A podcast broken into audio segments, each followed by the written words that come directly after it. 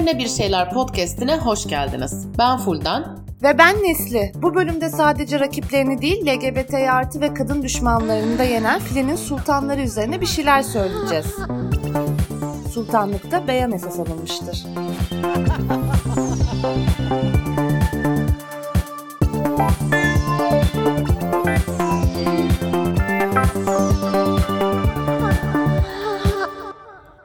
Ya hani diyet yapıyorsundur. Sabah işte yulaf, öğlen salata, akşam bir avuç badem, böyle kayısı falan yiyip çay içiyorsundur. İlk gün güzel, ikinci gün güzel, üçüncü gün de fena değil. Dördüncü gün artık böyle canım bir şey istiyor yani. O diyet akmıyor anladın mı? Önce bademlerin sayısını arttırıyorsun. Sonra işte yulaf yerine ama iki dilim ekmek yiyeyim diyorsun. İşte öyle salatası oluyor leğen. Sonra bir bakmışsın o diyeti bozacaksın artık hani o raddeye gelmişsin ve tırıvırıyla bozmak istemiyorsun. Ya madem bir orucu bozacaksın o da düzgün olsun diye böyle ne bileyim kestaneli yaş pasta söylüyorsun mesela. Senin için en iyi şey kestaneli yaş pasta mı gerçekten? Ee, evet öyle bir sakıncası yoksa ben yutuyorum ben sindiriyorum kestaneli pastayı. Yani tamam bir şey demedim istediğini ye tabii de yani yani zevksizlik suç değil. Doğru haklısın. Hı hı, hı. Sen ne yerdin diyeti bozmak için? Ee, ben zaten günde bir öğün yiyorum. Yani onda da zaten az. Zayıfların hala ufalıp cebime girmediğine inanamıyorum ya. Bu ne az yer kaplama iddiasıdır hayatta. Hani boş ver canım ye 3 günlük dünya. Yani birazcık daha yayıl genişle ne fark eder? Ya yememeye çalışmak değil ki aslında. Doğru doğru. Seninki daha fazla içmeye çalışmaktan. Doğru nokta bu. Hı hı. Hı hı. Ne diyebilirim gerçekten bilmiyorum. Alkol yoldaşın olsun diyebilirim sanırım. Neyse e, içinde diyet geçen bir hali anlayamayacağını biliyordum aslında adım gibi. Keşke seni hiç şişmanlık bölümünde konuşturmasaydım ya. Yani zaten pek konuştuğum söylenemez. Yani ne dediğimizi anlamayanlar olabilir. Açıklayayım burada. Daha önce şişmanlık üzerine bir şeyler bölümünü yapmıştık. Al işte zayıf splaining. E, canım ben varım burada anlatabilirim ne olduğunu. Daha önce şişmanlık üzerine bir şeyler bölümü kaydettik. Ve e, o bölümde bir zayıf olarak çok konuşmaması gerektiğini söyledim Nesli'ye. Ama kendisi bayağı konuştu sanki kendisi bir şişmanmış gibi. Yani kusura bakma podcast'i birlikte yaptığımızı düşündüğüm için Fulden'cim. Özür dilerim. çok doğru. Buradan alıyoruz hemen. Dö, nö, nö, müziği alıyoruz hani şakaymış. yani e, o bölümden sonra şey demişti insanlar hani Fulden sen yasakladın Nesli'nin konuşmasını hani biraz niye konuşuyor ki falan. Arkadaşlar şakaydı tabii ki mizansendi, skeçti. 48 bölümdür podcast çıkarmak kolay değil. İşte sallıyoruz bir şeyler. Komiklikler yapmaya çalışıyoruz. Olduğu kadar olmadığı kader diyerekten. Kestaneli e, yaş pastaya geri dönebiliriz evet, sanırım değil e, mi? Evet yaş pasta olmasına dikkat çekmek isterim. Hayır fakirlik de çekmedin gerçekten yani hayatında. E, kendini zorla mı fakir yapmaya çalışıyorsun? Havalı mı geliyor? Anlamıyorum ki yani hani. Ya tamam ben hani benimki yaş pasta olsun tamam mı? Hayatta bir gram zevk alacağım şey. Başkasınınki krem brüle olsun. Öbürününki işte fonda olsun. Kıçından aksın, başından çileği soksun. Hani herkes kalbin ekmeğine göre yesin. Ki kimisinin ekmek de olabilir. Hani o e, her şeyi bozmaya değer o şeyi. Ama e, şeyi anlatmaya çalışıyorum. Hani o diyeti bozacaksa değecek bir şey olsun istersin ya. Böyle hani madem bozuyoruz anasını satayım komple bozayım gibi. Ee? Ha, işte şundan emin gibiyim ki kocasına sadık, heteroseksüelliğinden emin, tek eşli, aldatmaya fevkalade karşı olan milyonlarca kadın eğer bir gün kocasını aldatmaya karar verirse madem yapıyorum bir pislik bari en iyisi olsun diye Melisa Vargas'ı seçer diye düşünüyorum artık. Aa, aa. Kesinlikle. İnce, Kesinlikle e, ince ince gördüm. İnce bir zevk belirtisi ve ben de çok ince gördüm. Hı hı. ben yıllar sonra ilk kez birinin posterini odama falan asmayı Hı-hı. düşündüm. Böyle bir çerçeveletip böyle Hı-hı. duvar var. ben böyle hani bazı apartmanlarda oluyor ya giriyorsun girişte tavanda böyle gökyüzü mavisi var işte çiçekler var. Desen aydınlatma yani. Kornean yırtılıyor ya onu görünce. Ee, böyle gerçekten hemen yarın gider bankaya en üst limitten, limitten kredi çekerim. O şekil ışıl ışıl bir Vargas yerleştirmesi için. Ay vallahi Vargas yerleştirilmesi deyince bile bir hoş oldum canlandı. Şu an gözümde Kesinlikle. canlandı o görüntü. Allah herkese istediğini yerleştirsin. Kesinlikle. Biz gerçekten Vargas'a yükselmekten e, konuya girebilecek miyiz? Hiçbir fikrim yok. Dur ben şuradan şu bir bezimi alayım, terimi sileyim. Ya bu arada konu yükselmekse ben e, başkalarına da yükseliyorum takımdan. Mesela Zehra Güneş'im. Evet ben de Hande Baladın'a boş değilim. Yandım yandım. Bana yeniden örgüyü sevdiren kadın Hande. Kesinlikle. O femliği, e, makyajı, tırnakları, küpeleri, sahaya çıkışı, inanılmaz odaklı kalışı, Hı hı. harika defansları, mis gibi oynayışı. Gerçekten bayılıyorum kendisine. Hı hı hı. Libidomuzun normale dönmesi için bir dakikalık saygı duruşu ve sessizliğe ne dersin? Şunu 3 dakika mı yapsak? Hı hı. Evet.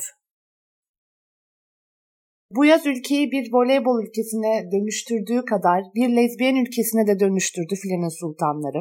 E vallahi hiç hoşlanmıyorum bu takıma filenin sultanları demekten ama ne yapalım? Ya beyanları bu yönde olduğu için mecburen e, filenin sultanları demekle yükümlüyüz. Ama gönlümden geçen bu arada filenin sleyleri falan demek olurdu. Ya da Yes. filenin Harika. filenin gülleri. Anladın mı? Hani madem sultan değil olan gülleri denilebilir diye düşünüyorum. Ya bu her şeye bir tutam Osmanlı, biraz Doğu esintisi katma sevdasını ne zaman bırakacağız? Anlamıyorum gerçekten bunları ya. Bir e, Eurovision formülü olarak çağdaş e, bir esintiye, çağdaş bir ezgiye bir tutam oryantalizm estetiği katmak diyebilir miyiz buna? Diyebiliriz hocam sanırım. Hmm. Filenin e, sultanları e, inanılmaz bir şey başardı bu yaz. Önce Milletler Ligi'nde sonra da Avrupa Şampiyonası'nda birinci oldular. Gerçekten ideal şartlarda bile hiç kolay bir başarı değil bu. 15 maçtır hiç yenilmediler. Bir de takım tarihinde ilk kez böyle bir e, birincilik geldi. E, hatta sanırım Türkiye'deki e, A milli takımlar kategorisinde e, herhangi bir e, takım sporunda böyle bir e, şampiyonda bir birincilik altın madalya alınmadı. Biliyorsun 2002 Dünya Kupası'nda erkek futbolu dünyada 3. oldu diye 5 yıl kadar el kadar oğlanlar Hasan Şaş saçı kestirdi. Düdük gibi dolandılar 2000'lerin ilk yarısında. Hakan Şükür milletvekili bile oldu o maçta ilk golü attıktan sonra. e, son golü oldu. Gerçekten yani üstünden 20 yıl geçmesine rağmen hala o Dünya Kupası konuşuluyor erkekler arasında. Hı hı. Tabii e, bu e, takım da bir anda bu noktaya gelmedi. E, bu kadro aşağı yukarı 2019'dan beri birlikte oynuyor işte 2 eksik 3 fazla şeklinde. Çok gençler. E, hepsi zaten birçoğu e, daha alt kademe milli takımlarından A milli takıma Altyapı mı denir ona? Altyapı olmuyor da U19, U23 falan gibi isimleri var onların. Hı hı, Metro durağı gibi biliyorsun. Hı hı. e, oralardan gelen çok genç oyuncular. E, 2019'da bu genç kadro Avrupa Şampiyonası'nda ikinci oluyor. Ki yine finalde Sırbistan'la e, oynanmıştı maç. O yüzden de bu e, finalin de çok büyük bir e, manası vardı takım için. Çünkü bir rövanş Hı maçıydı. hı. Avrupa Şampiyonası değil mi? Evet. Hı hı. 4 yıl sonra. 2021'de ve 2022'de de Milletler Ligi'nde üçüncülük ve dördüncülük kazandılar. Yani aslında bu takım çok uzun süredir altın madalya almak için uğraşıyor diyebiliriz. Ee, ama tabii bunu hani bu kadro için söylüyorum. Yoksa 2003 yılından beri Türkiye kadın voleybolunun yani yükselen bir grafiği var. Bir sürü başka başarılar da elde edildi. Yani bir e, bir grup insanın tahtına Neslihan Demir efsanesiydi sanırım. E, Yer etmişti. Aynen öyle. Gerçekten çok büyük bir başarı elde etti ve senin de dediğin gibi bunlar ideal şartlarda hani böyle büyük bir destek görürken falan olmadı. Aksine Hı hı. e, nasıl e, tight giyerlerden başlayıp Ebrar Lezbiyan onu takımdan alına kadar giden, işte takımdaki en gözde oyuncuların bedenlerinden kimliklerine, hayatlarına, yönelimlerine her şeyin didik didik edildiği bir süreçte geldi bu başarı. İşte Ebrar takımdan alınsın denildi. Twitter'da kampanyalar yapıldı. Hem de maçtan birkaç gün önce son Avrupa Şampiyonası'nın final maçından birkaç gün önce. Korkunç bir LGBT artı düşmanlığı ve nefretini gördük. Bu nefretin yükseldiğini gördük. Bu dönemde hani voleybol takımına yöneltilen bu saldırı da LGBT artı düşmanlığının iyice sıçraması için kaldıraç gibi oldu resmen. Hatta e, Sırbistan maçı sonrasında e, bir otobüste bir kadın ülkemin lezbiyenleşmesini istemiyorum diye sinir krizi geçirdi. Hı hı. Ya sinir krizi geçirdi. Şaka gibi yani. O teyze şu an karşımda olsa ülke bir seksüelleşiyor da siz bir fobik olduğunuz için bir seksüelliği görünmez diye itiyor olabilir misiniz pamuk nenem deyip iyice kendisini yakmak isterdim.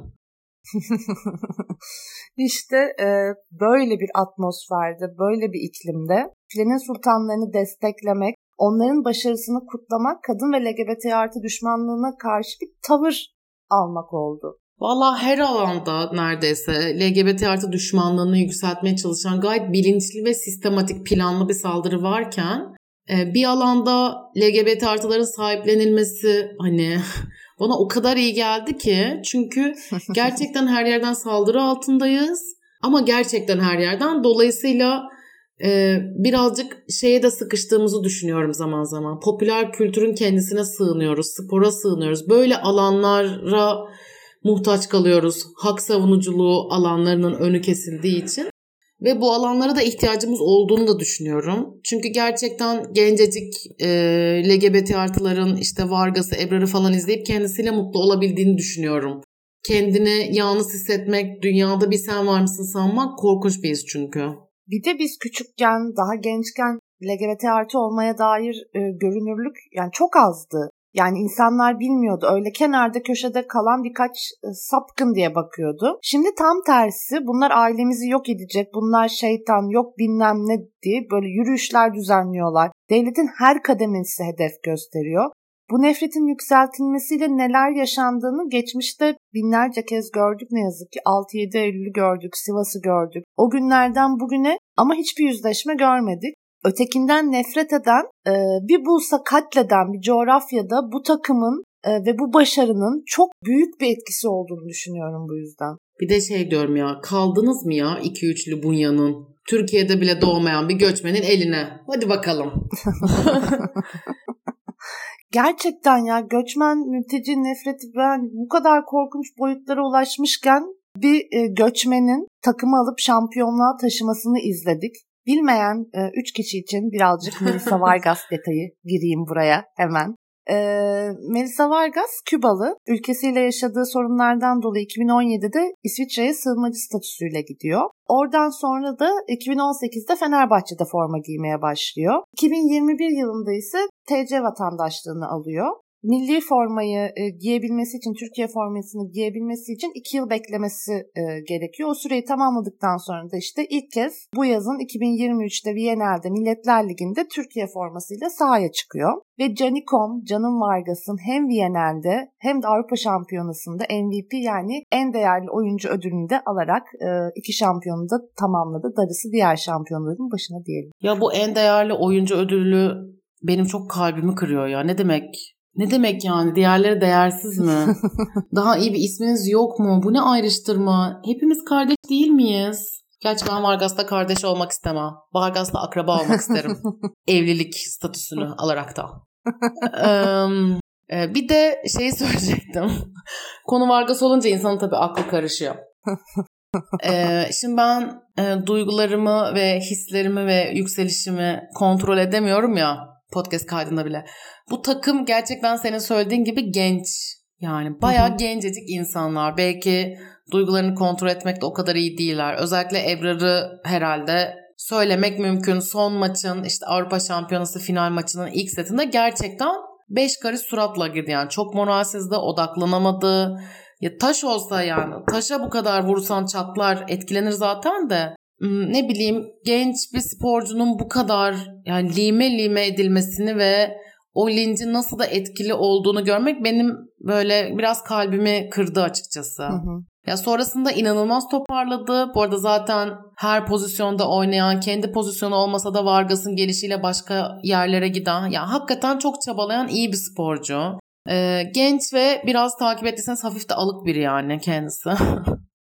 ee, hani bir, bir sürü bir sürü duygunun dahil olduğunu görüyorsun ve e, nasıl diyeyim dışarıda bir resmen düşman akını varken takımın birbirine destek olması da bana çok böyle önemli geliyor. Ne bileyim her yerde Vargas'la Ebrar'ın birbirine sarıldığı fotoğrafları görüyoruz mesela. Bilmiyorum beni bir umutlandırdı bu. Ya da bir LGBT artı olarak duygulandırdı mı diyeyim. Yalnız bırakılmadığında, insanların önüne yem gibi atılmadığında bir şeyler değişebiliyor mu gördük.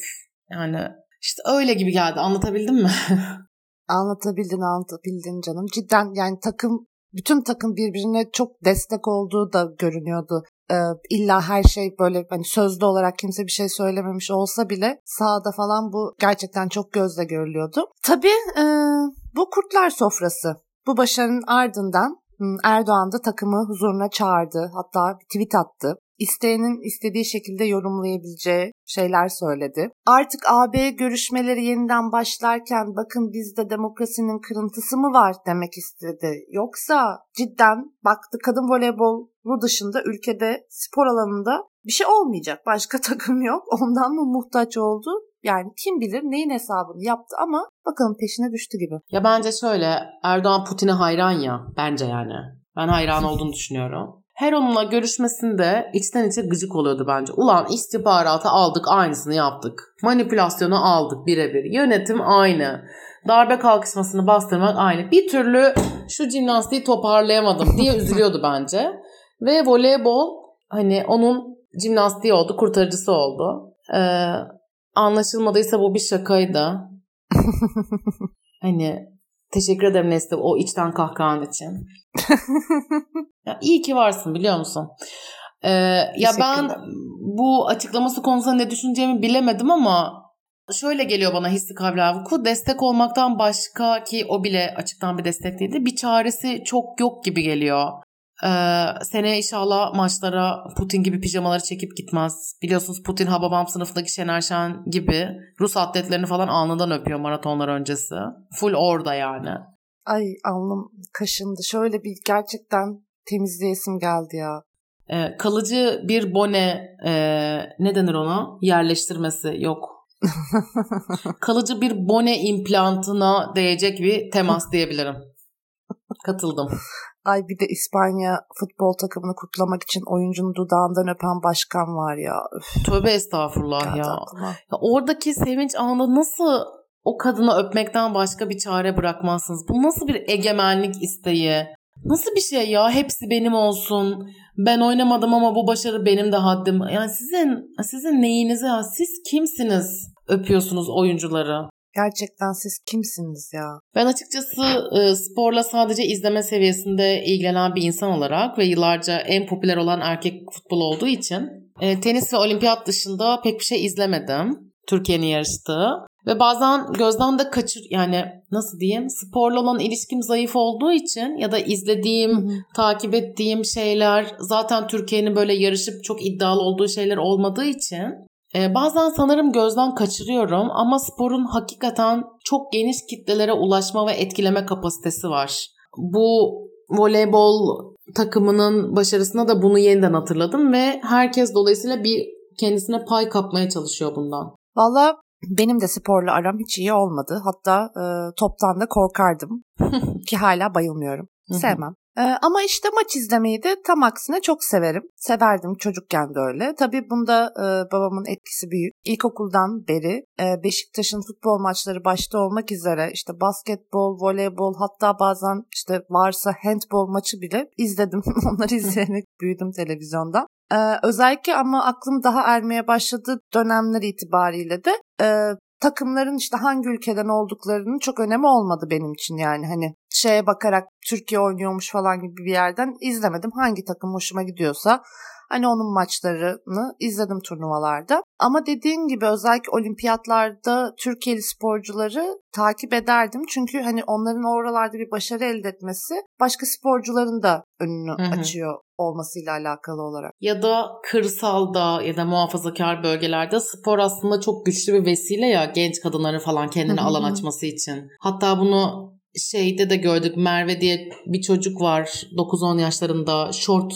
giydirmiyor hocası. evet evet evet. İşte sen şort giyerek bu sporu yapamazsın diyor. O da diyor ki hayır ben bu sporu yapmaya devam edeceğim ve ne, ne diyor herkesin rahatça spor yapması için mi diyor.